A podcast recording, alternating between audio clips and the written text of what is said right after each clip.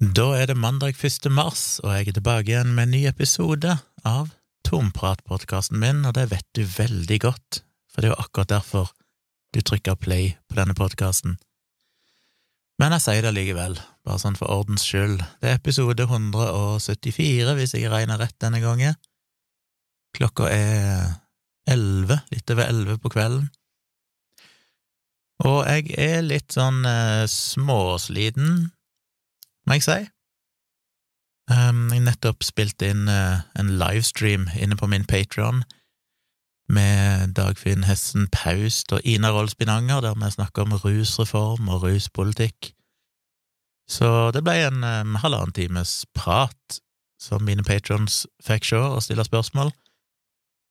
Jeg synes det er så viktig tema at jeg kan ikke vente for lenge før jeg legger den ut offentlig. Så den dukker nok opp her uh, i lydformat i podkasten, og òg som video på min YouTube-kanal Tvilsomt med Kjomli. Håper dere vil se den, eller høre den når den kommer. Viktig informasjon og ja, interessante og kunnskapsrike folk som svarer på spørsmål som kanskje du har om narkotikapolitikk og den uh, muligens kommende rusreformen, hvis den blir uh, vedtatt snart. Så det tar jeg på. Jeg skulle tro det er bare å sitte i en stol i halvannen time og prate, men jeg er dønn utslitt etter sånne seanser, for jeg er så stressa hele tida. Føler meg så dum, føler jeg stiller dumme spørsmål, får panikk for å ikke vite hva jeg skal si når de er ferdige å svare, så må jeg ha neste spørsmål klar. Så prøver jeg å smuglese notatene mine samtidig som jeg prøver å lytte og få med meg ting som av og til er litt komplisert, og som jeg ikke kan noe om nødvendigvis. Det er skikkelig multitasking på høyt nivå må bruke bortimot 11% av hjernen min, som jo er en hel prosent mer, eller prosentpoeng, 10% mer enn de 10 prosentene av hjernen vi vanligvis bruker. Hø-hø. Nei da. Atter en myte. Um, men det er krevende. Jeg føler meg ganske utslitt etter noe sånt. Men podkast må spilles inn, og jeg har jo ting jeg vil snakke om. Jeg vil snakke litt om nakenhet og nedstenging av Oslo og litt mer pandemiprat, og en eh, bitte liten personlig hyggelig nyhet til slutt, som ikke betyr noen ting for dere. Men eh, jeg vil begynne med gårsdagens pressekonferanse. Klokka seks så gikk jo eh, Raymond Johansen blant annet på scenen og annonserte nye tiltak for Oslo. Og mens jeg satt og så på det, så ble jeg mer og mer forbanna. Ikke på Raymond Johansen og ikke på myndighetene, men på folk flest, og jeg vet at det er i stor grad irrasjonelt for de aller fleste å oppføre seg bra og følge reglene, men han hører at uh, Altså, det er jo flere ting som irriterer. Han nevnte jo at deler av økningen, grunnen til økning av smitte igjen, at smitten er på vei opp, er jo at folk har vært mer mobile i det siste og det irriterer meg. Fordi vi snakket jo litt om dette, meg og Tone, inne på Samboerprat-livestreamen som vi har inne på Patreon noe hver søndag kveld, og da var det en som påpekte i chatten der at det er så urettferdig, for det er jo vi som faktisk følger reglene, som taper mest på dette. Fordi vi både har fulgt reglene og praktisert sosial distansering og holdt dere på hjemmekontor og så videre i månedsvis, og allerede har lidd mye, og så må vi lide enda lenger fordi de folkene som ikke har lidd så mye, de som har gitt litt faen og bare levd livet litt mer normalt, insisterte på det. Så det, det er liksom, det er bare lus-lus, det er bare ingen, ingen gevinst for ens egen del å faktisk prøve å bidra til fellesskapet. Og jeg har jo sittet her nå på hjemmekontoret i et år, ganske nøyaktig, begynner å bli litt smålei. Jeg mener, jeg har jo takla pandemien greit, som jeg har snakket om før, men, men jeg begynner å savne litt grann å kunne ha en kompis eller to på besøk og sitte på balkongen eller bare sitte sammen og se neste Apple Live-event, som jeg syns er gøy, og ja, sånne ting, og ikke minst dette med reising og se familien. Og det verste av alt, som jeg har sagt tidligere, er jo egentlig at eh, nå det bare går lenger og lenger tid uten at jeg får besøk av dattera mi, for det i dag, eller i kveld, så gikk jo plutselig Kristiansand òg inn eh, på rødt nivå på ungdomsskolene, så nå blir det jo delvis hjemmeskole iallfall, for dattera mi òg. Så når det er rødt nivå i Kristiansand, og de er stengt utesteder og alt mulig sånn der, og det er nedstenging igjen i Oslo, så føles det jo ikke riktig at hun skal reise til flyplassen og hoppe på et fly og, og komme til Oslo. Så det betyr at eh, nå er det over to måneder siden, det kan fort bli tre måneder uten at jeg får se henne. Det er ikke veldig kult, rett og slett. Men det kommer en seg ikke utenom, og en må bare prøve å huske at eh, vaksinene er på vei. Det er liksom Om denne pandemien har vist dere noen ting som helst, så er det at det finnes kun én utvei, det finnes kun én løsning, på tross av alle visjoner folk har hatt om eh, å heller bare la ting løpe løpsk og få flokkimmunitet og alt dette her, som vi vet ikke vil fungere, uh, iallfall ikke uten massive tap av liv så er det én løsning, og det er å oppføre seg, følge reglene fram til en får en vaksine, og det er vaksinen som får oss ut av dette, eller vaksinene, siden det er flere. Men vi så jo på denne pressekonferansen, og økt mobilitet. Jeg, jeg, jeg blir provosert av at eh, Jeg vet ikke hvor mange det er, men at åpenbart flere nå i denne perioden, men vi stengte jo ned i Oslo slutten av januar, eller noe sånt, midten av januar, og eh, allikevel så tenker folk at nei, nå, nå er jeg lei av hjemmekontor, nå, nå, reiser jeg på kontoret. Og så er det jo alltid folk som kommer og sier at eh, er nå det så farlig, er det noe smitte på kontoret, eller er det så farlig om folk går eh, på en kafé, er det noe smitte der? Problemet er jo bare det at det er jo, som Raymond Johansen for så vidt forklarte i pressekonferansen, det er jo ikke den enkelte plassen som er poenget, poenget er den totale mobiliteten. Reiser du ned til Oslo sentrum for å sitte på kafé eller gå på restaurant, eller du reiser inn til kontoret ditt, så vil det for veldig mange bety at du må gå ut, du må sette deg på et tog eller buss eller trikk eller T-bane og reise et stykke, og gå ut igjen og da møte folk enten på kafé eller eh, kontor eller hvor det måtte være, og så tilbake igjen. Og summen av at kanskje tusenvis av mennesker gjør det dag etter dag, blir veldig mye økt kontakt mellom mennesker som ikke hadde vært nødvendig. Og jeg har unngått det. Jeg har sittet på dette hjemmekontoret mitt. Jeg gikk jo til det skrittet å si opp kontoret mitt i fjor vår, for jeg så hvor det bar en, Tenkte at jeg kommer ikke til å få brukt det kontoret på ganske lenge, og det er dyrt å ha det. Så jeg kan ikke drive og betale mange tusen for en kontorplass som jeg vet jeg ikke kommer til å bruke. Så jeg har jo vært uten noe kontor å, å gå til. Men eh, sånn er det ikke for de fleste, de fleste har vel et kontor som står der uansett. Men jeg synes det er unødvendig å dra på det, med mindre det absolutt må. Det er jo selvfølgelig noen som må, men jeg har en følelse at mange har den der innstillinga som de har med, som alltid irriterer meg med sånn båndtvang på hundene, at jo da, det er båndtvang i Oslo, men akkurat min hund er ikke så nøye, for at jeg har kontroll på hunden min. Og da blir jeg bare sånn fuck you. Det er ikke det det handler om. For det første, nei, du har ikke 100 kontroll på hunden din, det er det basically ingen som har. Det er alltid situasjoner som kan oppstå der du mister kontrollen, eller der noe uforutsett skjer. Men det er jo så ubehagelig for andre. Det kan jo være folk som er redde for hunder. Vi har jo opplevd det med en liten Yorkshire terrier da den var valp, og det plutselig kommer noen med en svær hund som ikke går i bånd, og den store hunden bare skal bort så er det klart at ja, de har kanskje kontroll på hunden, hunden er kanskje snill, men, men det er fortsatt skremmende for andre fordi de ikke vet det, og ja. Og det minner meg gjennom Kari Jakkesson, apropos eh, hunder, alt jeg på å si. Eh, det, er, det er litt det samme med hoden, den der ideen om at hun ikke trenger å bruke munnbind fordi hun vet at hun ikke er syk, og derfor skal hun kunne gå hvor hun vil inn i butikker sånn der det er munnbindpåbud. Det er det samme der òg, den der den grove arrogansen for at nei, du vet ikke om du til enhver tid er smittefri. Du vet ikke om de personene der inne kanskje er i en risikogruppe. Det handler om å ta litt fuckings hensyn. Ikke alltid sette deg sjøl først. Hva er det jeg kan komme unna med, hva er det mine rettigheter er? Det handler om å, å sette andre foran deg sjøl, for fellesskapet. Og jeg blir irritert på alkohol, jeg blir irritert på at det er fuckings vinterferie, at folk Hvor mange var det? 160 000, 180 000 sånn som skulle til utlandet i vinterferien? Ja, det blir jo gøy å se hva det medfører nå.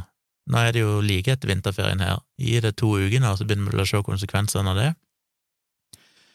eh, hvis det faktisk var så mange som reiste. Men i tillegg alle som måtte reise på et eller annet skisted, Hemsedal, Geilo, Sirdal, i vinterferien. Sånn, hvorfor i helvete må du det? Det er ikke noen menneskerettighet at du må reise på ski i ferien når vi er midt oppi en nedstenging.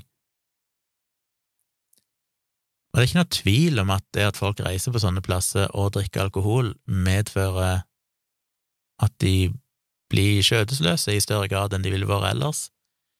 Men er ideen folk har om at de er på en måte rett til sånne ting, er bare provoserende. Og jeg blir irritert på det med vaksinene. Vi har, det som Raymond Johansen sa, det er basically vært to pandemier i Norge, én i Oslo og én i resten av landet. Og det går jo bare mer og mer opp for meg hvor annerledes det har vært. Jeg mener, vi har jo levd her nå med disse, denne situasjonen i månedsvis. Og så hører jeg dattera mi som bor i Kristiansand. Jeg spør hun liksom, ja, hvordan er det der? Der lever de jo livet som normalt, bortsett fra nå i det siste, da, når de først innførte gult nivå, og så skjerpa gult nivå, og så i kveld rødt nivå på skolene. Og de vel i forrige uke stengte ned ting der òg, treningssentre og utesteder og sånn, og men fram til det, ikke sant, det er sånn det har vært. Mange deler av landet så har de begynt å merke dette omtrent nå, eller kanskje seint i høst. Mens i Oslo så har vi jo hatt det så lenge nå, og allikevel så er vi langt nede på lista over antall vaksinerte sammenlignet med befolkningen, og det føles bare urettferdig. Av to grunner. Det ene er at vi på en måte fortjener det, fordi vi har faktisk måttet leve med disse forholdene og strengere forhold mye lenger enn alle andre i landet, og i tillegg fordi det faktisk rent praktisk sett er sånn at det er til det beste for andre i landet at vi blir vaksinert, fordi det er her det er mest smitte, og det er gjerne Oslo som er mest mobilitet inn og ut, både av landet og til resten av landet. Jeg må drikke litt uh, tynn kaffe her. Så det irriterer meg, og jeg ble litt glad når Raymond Johansen ga noen kraftige signaler om nettopp det, så får vi jo håpe at FHI og helsemyndighetene og de som eventuelt bestemmer dette, kan få endre på dette og prioritere Oslo litt mer på vaksinering, og at folk kan bare ta seg litt sammen, skjerpe seg. Det er ikke enkelt for noen noe, men det blir ikke enklere av at folk bare gir faen. Det er ikke noen menneskerettighet å bare føle at akkurat du må bare på kontoret, fordi du, det er ikke så farlig med bare deg. Hvis alle tenker sånn, så går det jo i dass og det ser vi jo at det gjør.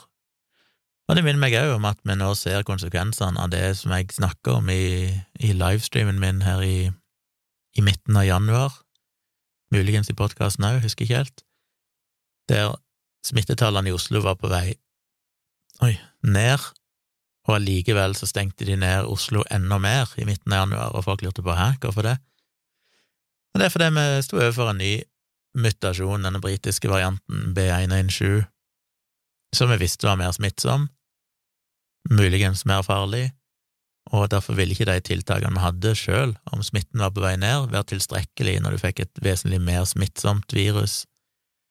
Og det har vi jo sett nå, på tross av de tiltakene vi gjennomførte i januar, som en del var imot, fordi smitten var jo på vei ned, så har vi fortsatt da fått en økning, som jo demonstrerer at Derfor var det nødvendig. Tenk oss hadde det gått hvis ikke vi hadde gjort det.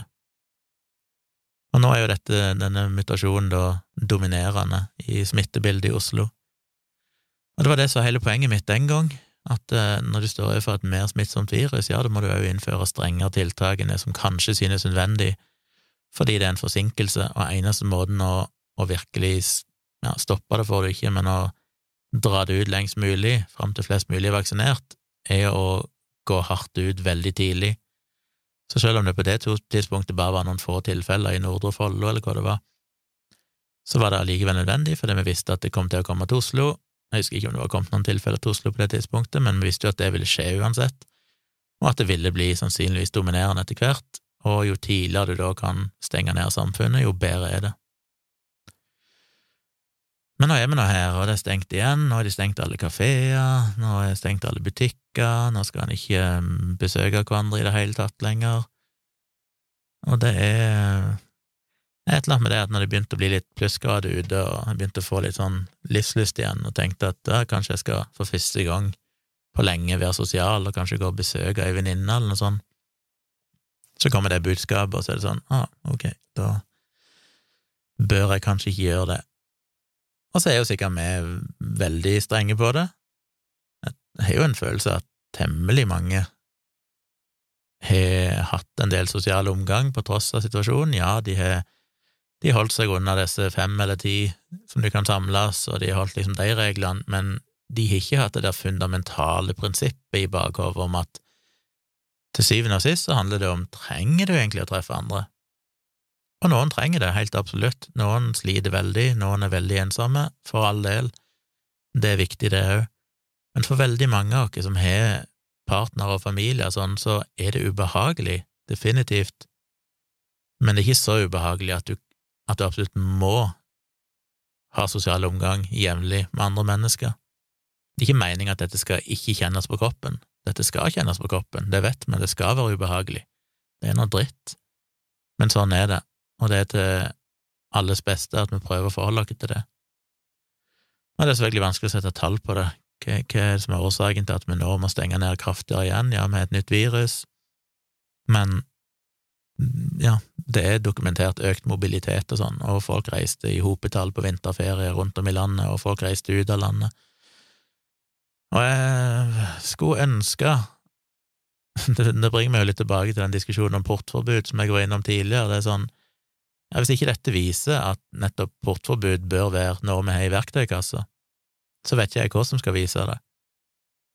Fordi takk og lov at dette viruset ikke er fryktelig mye mer dødelig, men det viser jo bare at mennesker i sånne situasjoner, så er det for mange idioter som bare ikke gidder å forholde seg til reglene. Og tenker meg, meg, meg først, og det er ingenting du kan gjøre hvis ikke du har et tiltak som for eksempel portforbud, der du faktisk kan straffe folk for å bryte disse reglene, fordi det går utover oss andre. Og det er jo alltid det som er dilemmaet med inngrep fra staten som begrenser noens frihet, er uønska. Jeg er veldig sterk motstander av det, bortsett fra når det implisitt er sånn at de som mister denne friheten, hvis ikke de hadde gjort det, så ville de ha begrensa andre sin frihet. Og det er jo det vi ser her nå.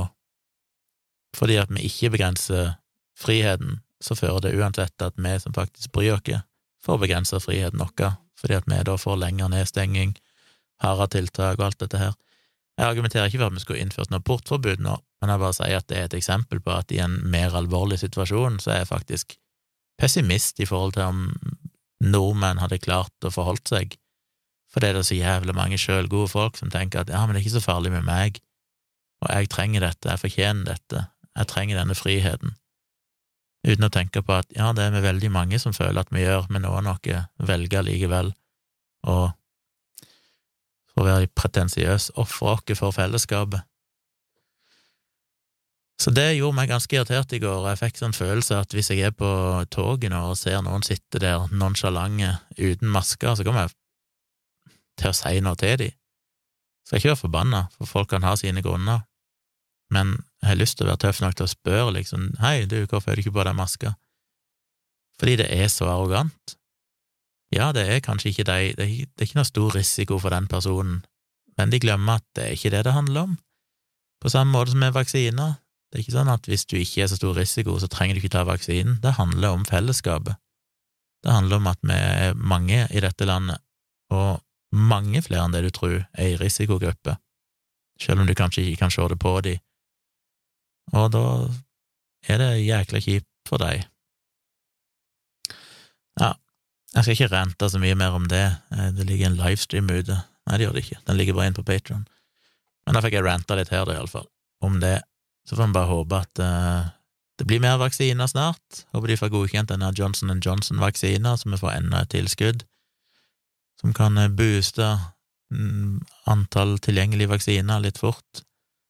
Så får vi håpe at det blir noe fortgang på vaksinering i Oslo. Av mer positive ting så har jeg jo sett uh, NRK Superkroppen, som går på NRK Super. Som er et program for barn, og så vidt jeg skjønte, så var det vel en diskusjon om det på Debatten på NRK, den ikke jeg har sett. Men eh, jeg så en eh, Nå skal vi se om jeg finner den der jeg glemte uh, vekk, men jeg har vel den liggende, for jeg screenshotta det faktisk, for jeg ble så sjokkert. Og det var en inne på på Facebook, en uh, Facebook-venn, det er kanskje feil å kalle det venn, for jeg vet ikke om jeg egentlig vet hvem det er, men en eller annen dude som hadde posta et eller annet om superkroppen, og så Hva var det her jeg screenshotta det? Nei, jeg screenshotta det kanskje på datamaskinen, og da ligger det jo et helt annet sted. Skal vi se hvor det kan ligge hen. Der, tror jeg. En som posta det og skrev eh, for et par uker siden. Har vi sunket så dypt? Ja, dessverre. Barneprogram på statsfinansiert allmennkringkaster. Og så han posta noen bilder fra superkroppen av noen nakne mennesker. Og så er jeg så naiv at jeg trodde i 2021 så var de fleste positive til det. Jeg skjønner jo selvfølgelig at det er noen konservative mennesker som reagerer, og hva er det egentlig for partiet De kristne, eller sånn, så jeg skjønte det rett, som hadde vært med på debatten, og ja, det skjønner jeg jo, at selvfølgelig er det sånne folk som kommer til å synes dette er helt forferdelig. Men jeg trodde liksom folk flest skjønte at dette var en god ting, å vise nakne kropper og lære barn om kropper i alle fasonger, snakke åpent om penis og vagina og brystet og skavanker en måtte ha. Men nei da, dette kommentarfeltet, så er det en som skriver er helt på grensen til galskap de har. Ei annen skriver motbydelig, ei annen skriver ekkelt å se, huff. Så kommer hun først igjen, helt enig, dette er en pervers, usmakelig underholdning. Så er det selvfølgelig en som skylder på venstresida, leftiser uten hjerne, Kvalmt, kommer det. Æsj, kommer det. Trist å se, er de som skriver. Masse emojier med spytegn. En som skriver stakkars barn som må leve med perverse voksne. Ei som skriver galskapen vil ingen ende ta, hva blir det neste? Eh, ei som skriver skulle sikkert vise forskjellige kropper eller noe, men undertøy finnes. Uh, ok, jeg tror ikke hun skjønte at de faktisk skulle vise litt mer enn bare fasongen. En skriver kvalmt til helvete med NRK. Eh, altså er det alltid noen idioter som skal blande politikk inn i det, ei som skriver helt perverst kvalmende. Det her er fullstendig sjukt. Motbydelig. Så gir det plutselig ei som skriver Nei, syns ikke kropp er tabu for ungen å lære om, det er så mye mobbing blant barn og opp til voksenalderen at det er fint å bli satt, satt, i direkte fokus. Alle dere som kommenterer her at det er kvalmt og sykt, har dere faktisk sett programmet og sett hva det handler om? Og det var så forfriskende å se ei som faktisk skrev en fornuftig kommentar. Marianne som skriver det var helt vanlig når jeg var lita, du veit hva som kommer når programmet begynner, og da kan de som ikke vil se, skru av, og de andre se. og så de som skriver blir ikke noe sex her i kveld. Ok. Ei som skriver stakkars barn, alt blir tredd nedover huene på dem før de, dem har bedt om å få vite, ganske typisk vulgær feministpolitikk. Æsj, de kan ha klærne på rundt barn, altså. Jaha, og dette er vi altså tvunget til å betale for, husk i september, stem inn nye folk på Stortinget. Lurer på om denne personen vet hvem som sitter i regjering akkurat nå. Jeg mistenker de her folkene alltid tror at det er rød-grønn regjering som kontinuerlig styrer dette landet, uansett hva som skjer. Galskapen har tatt overhånd. Super, bæsj, æsj. Galnedom har ingen grenser. Er det kanskje pedofile som lager program for barn? Det måtte jo selvfølgelig komme. Og det bare sjokkerte meg litt. Så mange kommentarer ifra Jeg antar en ja, en eh, generell del av befolkningen. Jeg tviler på alle disse var medlemmer i partiet De kristne, eller noe sånt.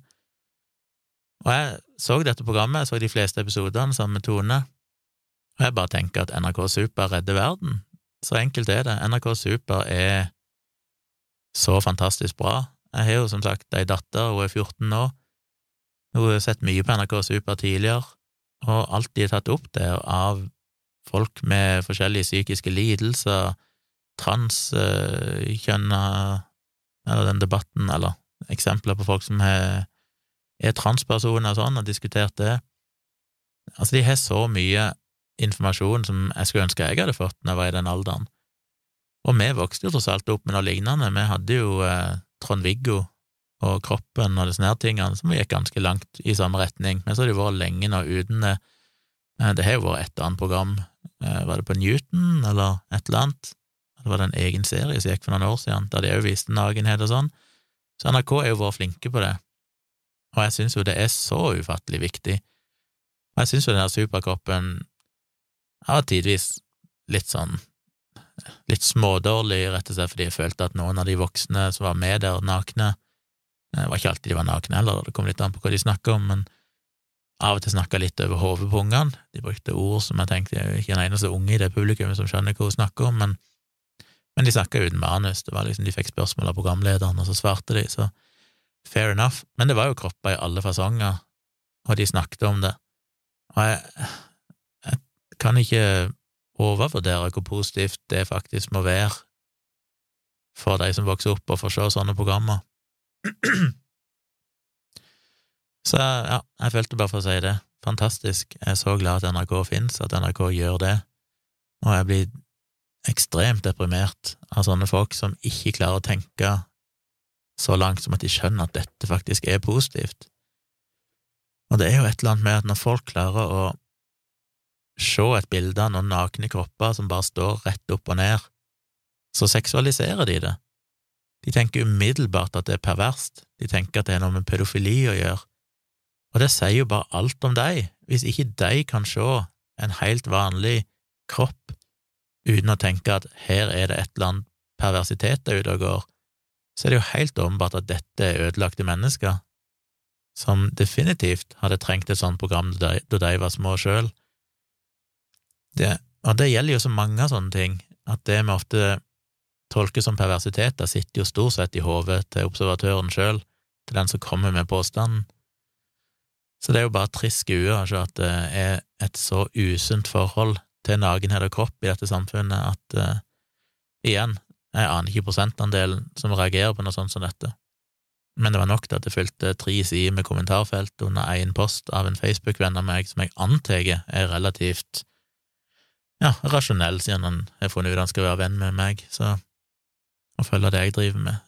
Så det vil jeg jo anta at han har noen interesser i, i den retningen, både politisk og ja, interessemessig. Så nei, det var bare sjokkerende. Så sjekk gjerne ut den. Er dere barn sjøl, så vil jeg anbefale å se det sammen med dem.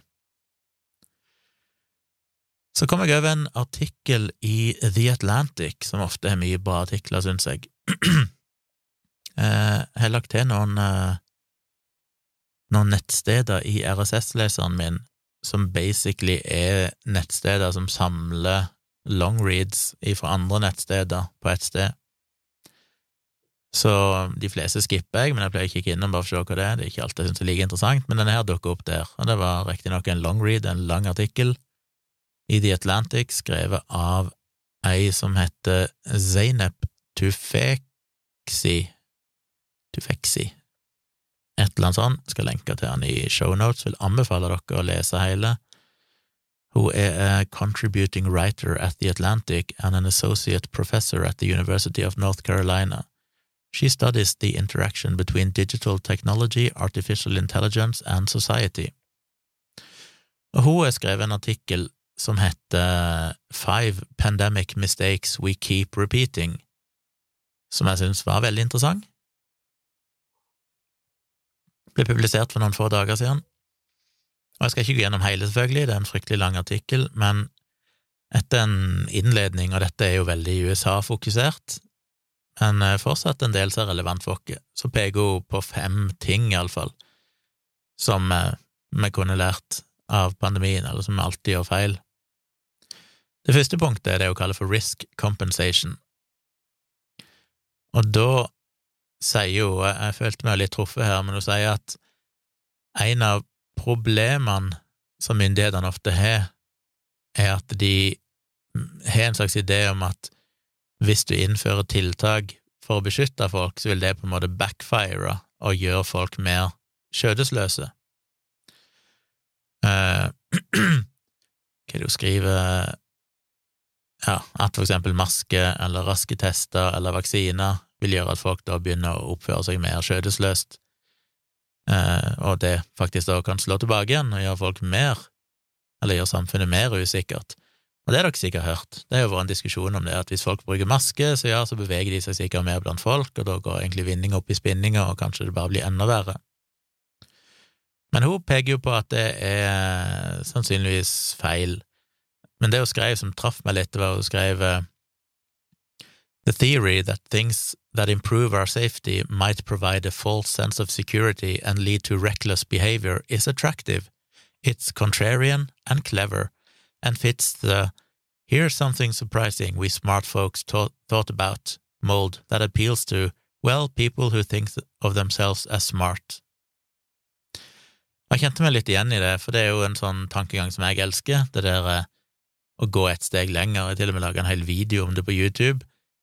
Eh, dette her med at ja, det kan virke innlysende at hvis vi gjør sånn, så får det det utfallet, men har dere tenkt på at det kanskje kan føre til sånn og sånn, og da får vi et helt annet utfall? Og det er jo en veldig tilfredsstillende tankegang, det er jo på en måte kjernen av skeptisisme på mange måter, og det er en grad av å være kontrær og vise at du liksom er litt smartere enn andre.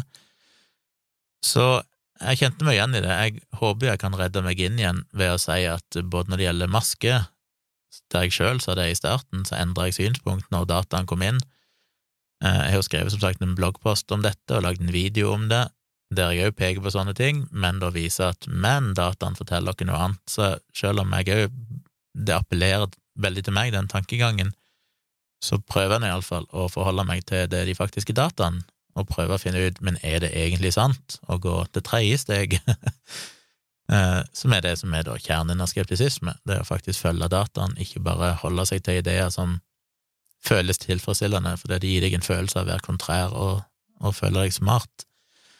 Og mange stopper jo på det andre steget, der de bare føler seg smarte og føler seg kontrære og tenker at derfor må det òg være sant, fordi det føles godt å si det, og det som føles godt, det er sant, og ikke da er villig til å faktisk endre mening. Men det var en liten digresjon.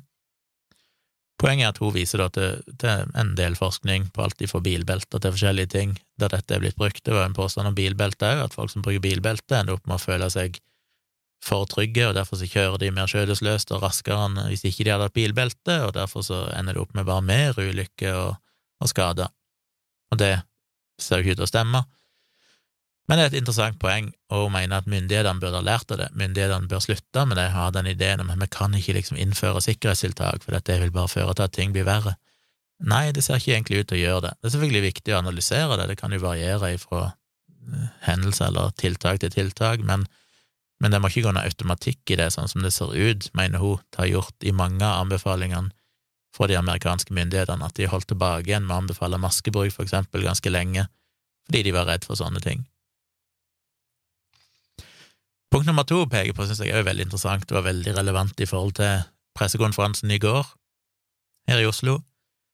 Hun sier at mye av budskap og informasjon som kom fra myndighetene til befolkningen i USA, gikk mer på å gi de klare regler, heller enn å beskrive og forklare i detalj hvilke mekanismer som virker for at virus skal spre seg. Og det kan vi jo kjenne oss igjen i her i Norge. Eh, det er veldig relevant for Norge. Hun peker på for eksempel at de i USA snakket om at eh, nærkontakt, det var å være mindre enn seks fot ifra noen som er smitta, i mer enn 15 minutter. Og det har vi egentlig hørt i Norge òg. Smittestopp-appen er jo blant annet basert på det. To meters avstand og 15 minutter. Er det mulig er justert, det, jeg vet ikke, men opprinnelig så var det noe sånt i den første versjonen av Smittestopp-appen. Og vi har jo snakka om denne her meteren og denne tometeren, og og det var mye sånn fokus på at dette er på en måte reglene. Nå vil jeg jo si at norske myndigheter egentlig òg har vært relativt flinke tror jeg, til å forklare mekanismene her, men det blir et veldig fokus på at hvis dette er reglene, så trenger jeg ikke tenke på hva er det overordnede budskapet her.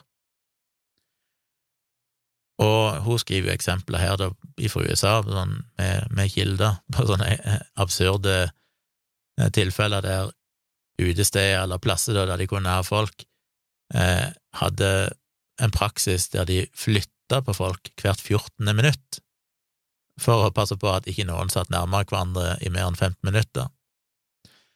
eh, eller at de liksom ja, at det var folk som da, eh, hvis de var akkurat mer enn seks fot ifra hverandre, så følte de at de ikke trengte å bruke maske. Eh, og sånne tilfeller har vi jo sett i Norge, visstnok, for Raymond Johansen snakka jo om det i går. Vi har ei grense på at du kan ikke ha mer enn ti samla hjemme hos deg. Og så så han at eh, er det eksempler tydeligvis på folk som har ti på mandagen, og så er de ti andre på tirsdagen, og så er de ti andre på onsdagen.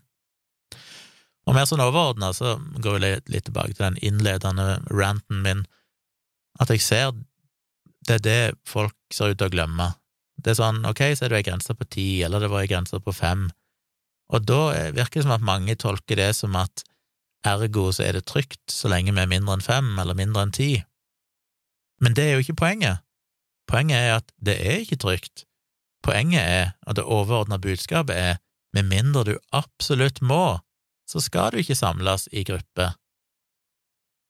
Grunnen til at vi har de grensene på fem og ti, er fordi at det finnes situasjoner der noen trenger å samles. Det kan være personlige tragedier, begravelser, eh, jobbsituasjoner, det kan være situasjoner der du faktisk trenger det, men da skal du ha veldig gode grunner for å gjøre det.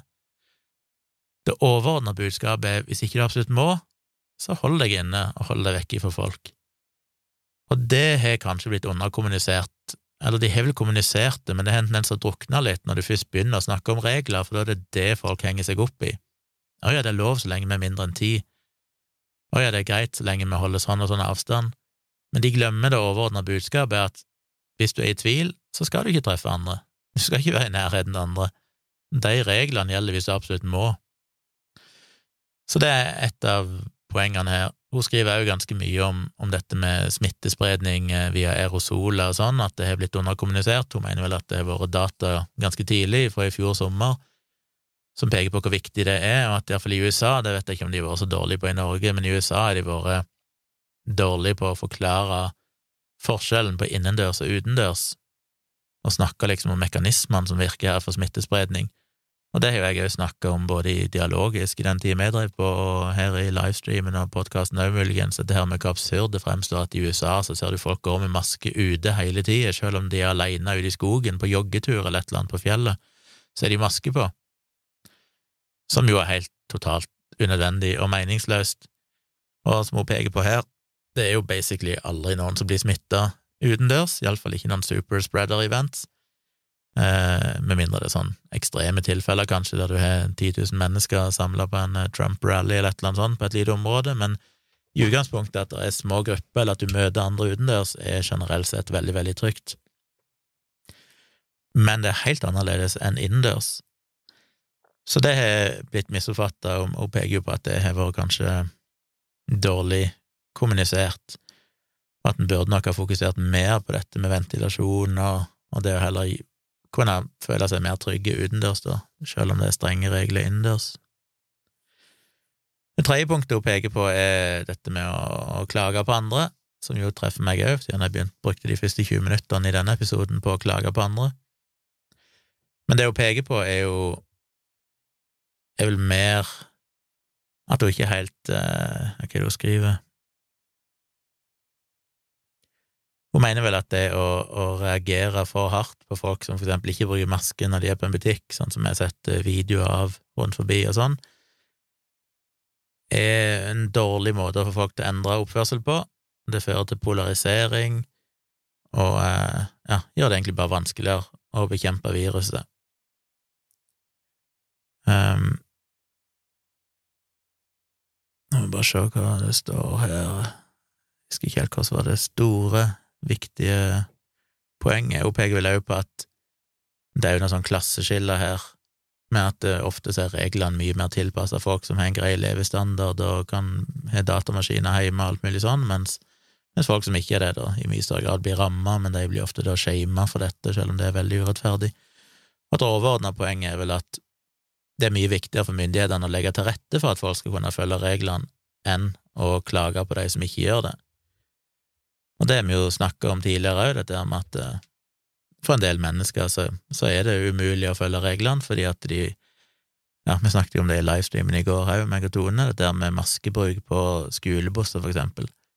at ikke alle skoleelevene må ha maske når de reiser fram og tilbake til skolen, for det er jo så mange andre som tar de samme bussene, det er jo offentlig transport der i Oslo, og de blir satt i fare når det er stappfulle busser med masse elever som driter i avstand og ingen bruker maske. Men så er det et dilemma da med hvem skal betale maskene.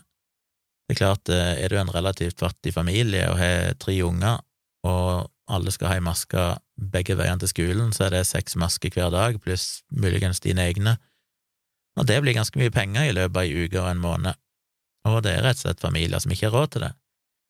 Og da er det selvfølgelig vanskelig å stigmatisere dem for det, så det en burde gjort, heller enn å klage på det og kanskje innføre regler, det er å si at ok, her finansierer kommunen eller bydelen eller staten maske til skoleelever som må ta offentlig transport, og så og det er alltid Det har for så vidt sjokkert meg at ikke det er blitt innført her i Oslo, iallfall, for lenge siden. Men en har vel ikke ansett unger som spesielt uh, viktige brikker i smittespredningen, selv om det er litt vel delte meninger og data på akkurat det, spesielt nå med den nye, nye mutasjonen som ser ut til å kunne smitte og, og gjøre unger mer syke enn tidligere. Men der gjør de jo tiltak nå, da de skulle innføre mer massetesting på skoler, både av elever og lærere, som er en god ting. Men allikevel noenlunde seint og en, ett år ute i pandemien. Hun peker også på dette med harm reduction, altså å øh, skadereduksjon, og ikke skal fokusere så mye på at ting må være perfekt. Hun sammenligner det jo med dietter, for eksempel, eller det å slutte å røyke og sånn, eller begynne å trene.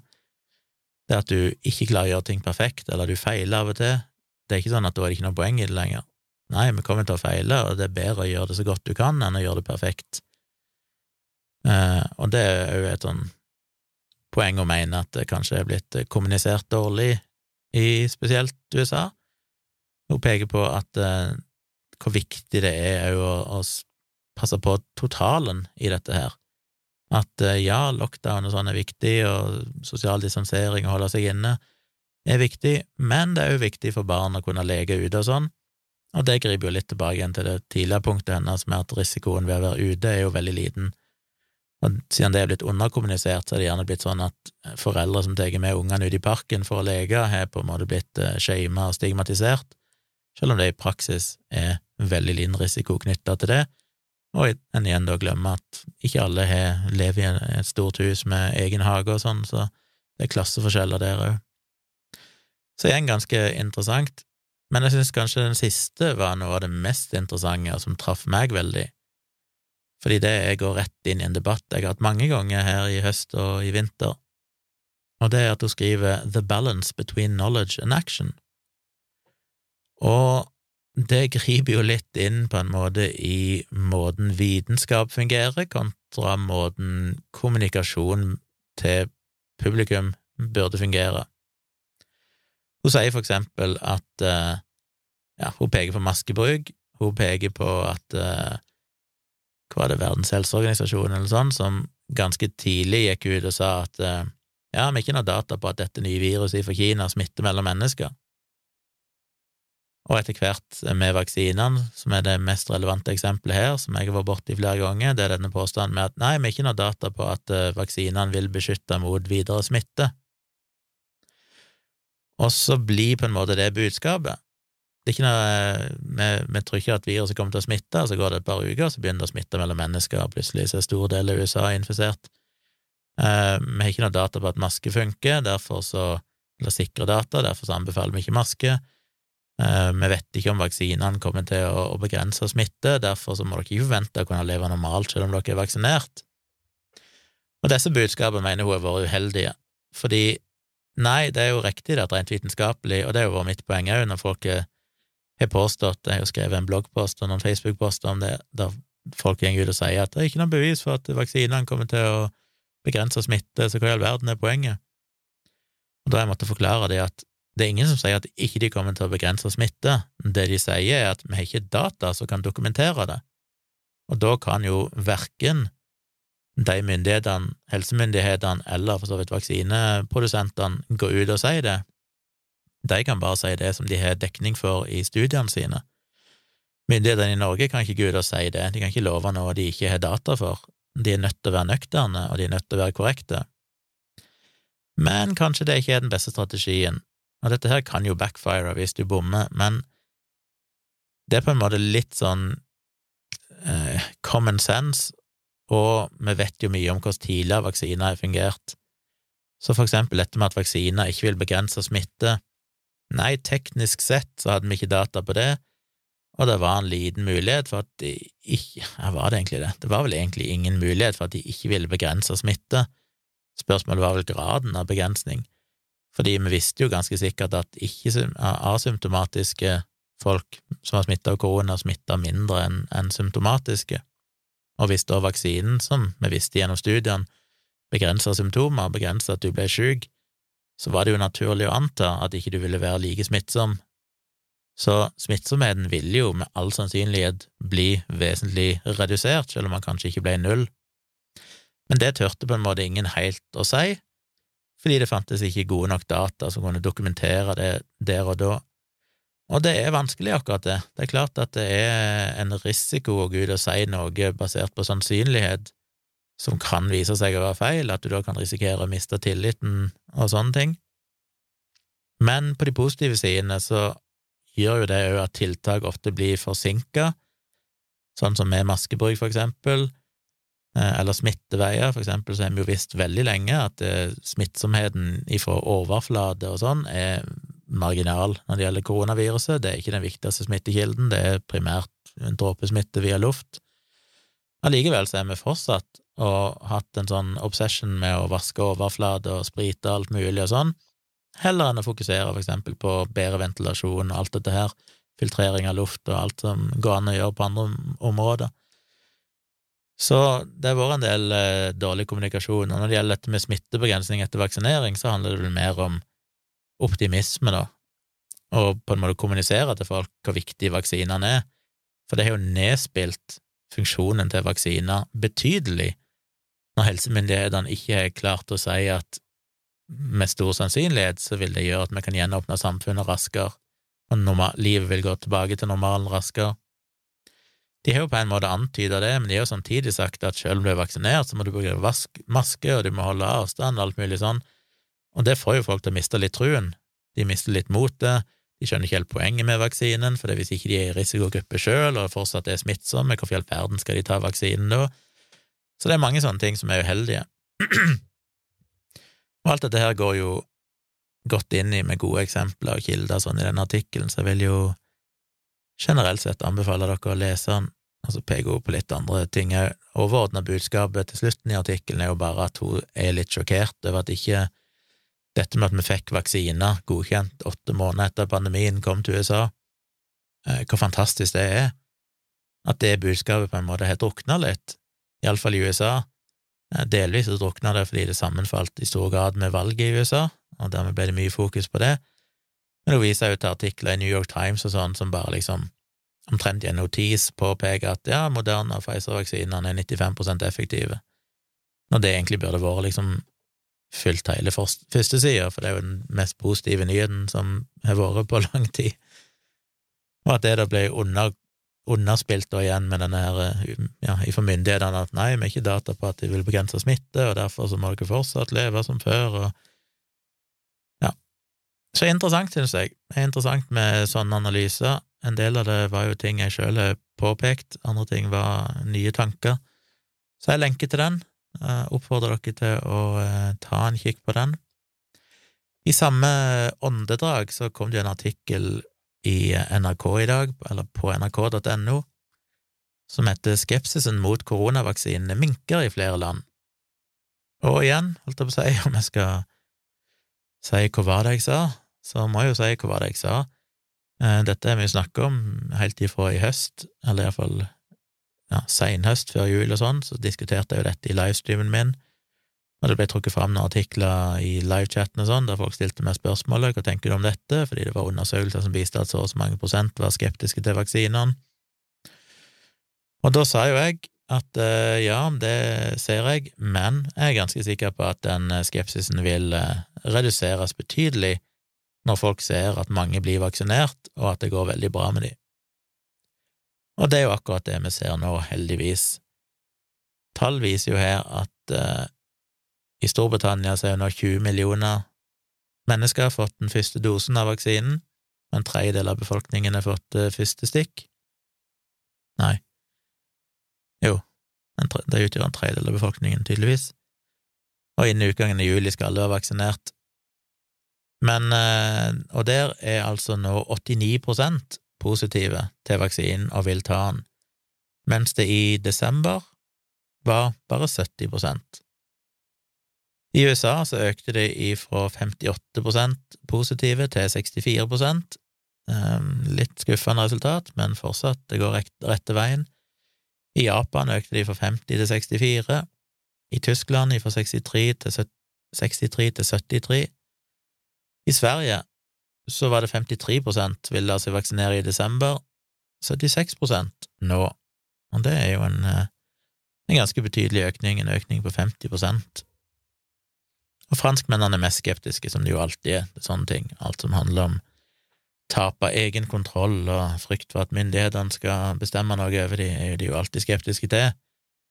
Eh, men der svarte bare 40% i desember at de ville ta vaksinen, men det er nå økt til 59% altså nesten 60% som er jo en 50% økning. Så det viser jo at eh, de eh, spådommene fra meg og andre om at dette kommer til å gå oppover, Stemte, heldigvis. I Norge, da, hvordan står det til her? Ja, det er litt forskjellige undersøkelser. En skriver at en undersøkelse utført av Mindshare Norge og Norstat for Folkehelseinstituttet i januar viste at det da var 70% ville ta vaksinen, og det var en økning fra 63 tilbake i august i fjor. Syns det er litt dårligere sammenligningsgrunnlag, fordi at i august i fjor så hadde vi jo fortsatt ingen ferdige vaksiner, vi visste jo ingenting om hvor effektive de var, vi hadde ikke noe data på det. De andre studiene som baserer seg på desember, det var jo etter at vi visste at vaksinene, de to første vaksinene var veldig effektive og så ut til å være trygge og sånn i studiene. Men eh, Norsk koronamonitor fra Opinion de gjennomførte en studie i forrige uke der de fant at 81% var positive til vaksinen, og 8% sa at de ikke ville ta vaksinen. I aldersgruppa 60 pluss så er det over 90% som er positive. Så det går etter veien, og hvis så mange som over 80% er positive, så er jo det godt nok. Eh, sannsynligvis, selv om med disse mutasjonene, så kan det være at vi må opp i 90% for å få flokkimmunitet på noe selvs tidspunkt, men det er iallfall veldig bra tegn. Så det gleder meg, og det var jo, holdt jeg på å si, som eh, fall, som jeg håpte på eller forventa.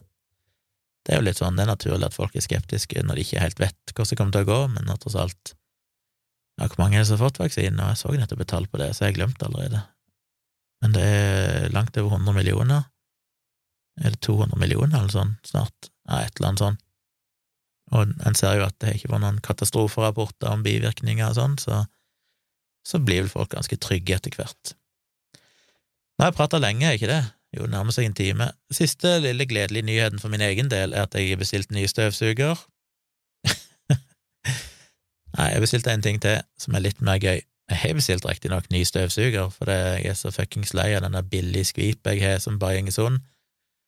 Det er vel sikkert tre år siden det der uh, Kettan den eh, delen som er nede på gulvet, foten, nei, suge munnstykket, heter det vel, eh, sprakk sånn at ikke det hang skikkelig fast lenger på selve stanga, så jeg måtte teipe den med gaffateip, men det gjør jo at du kan ikke bevege den, så du må liksom holde den i den samme vinkelen hele tida og støvsuge.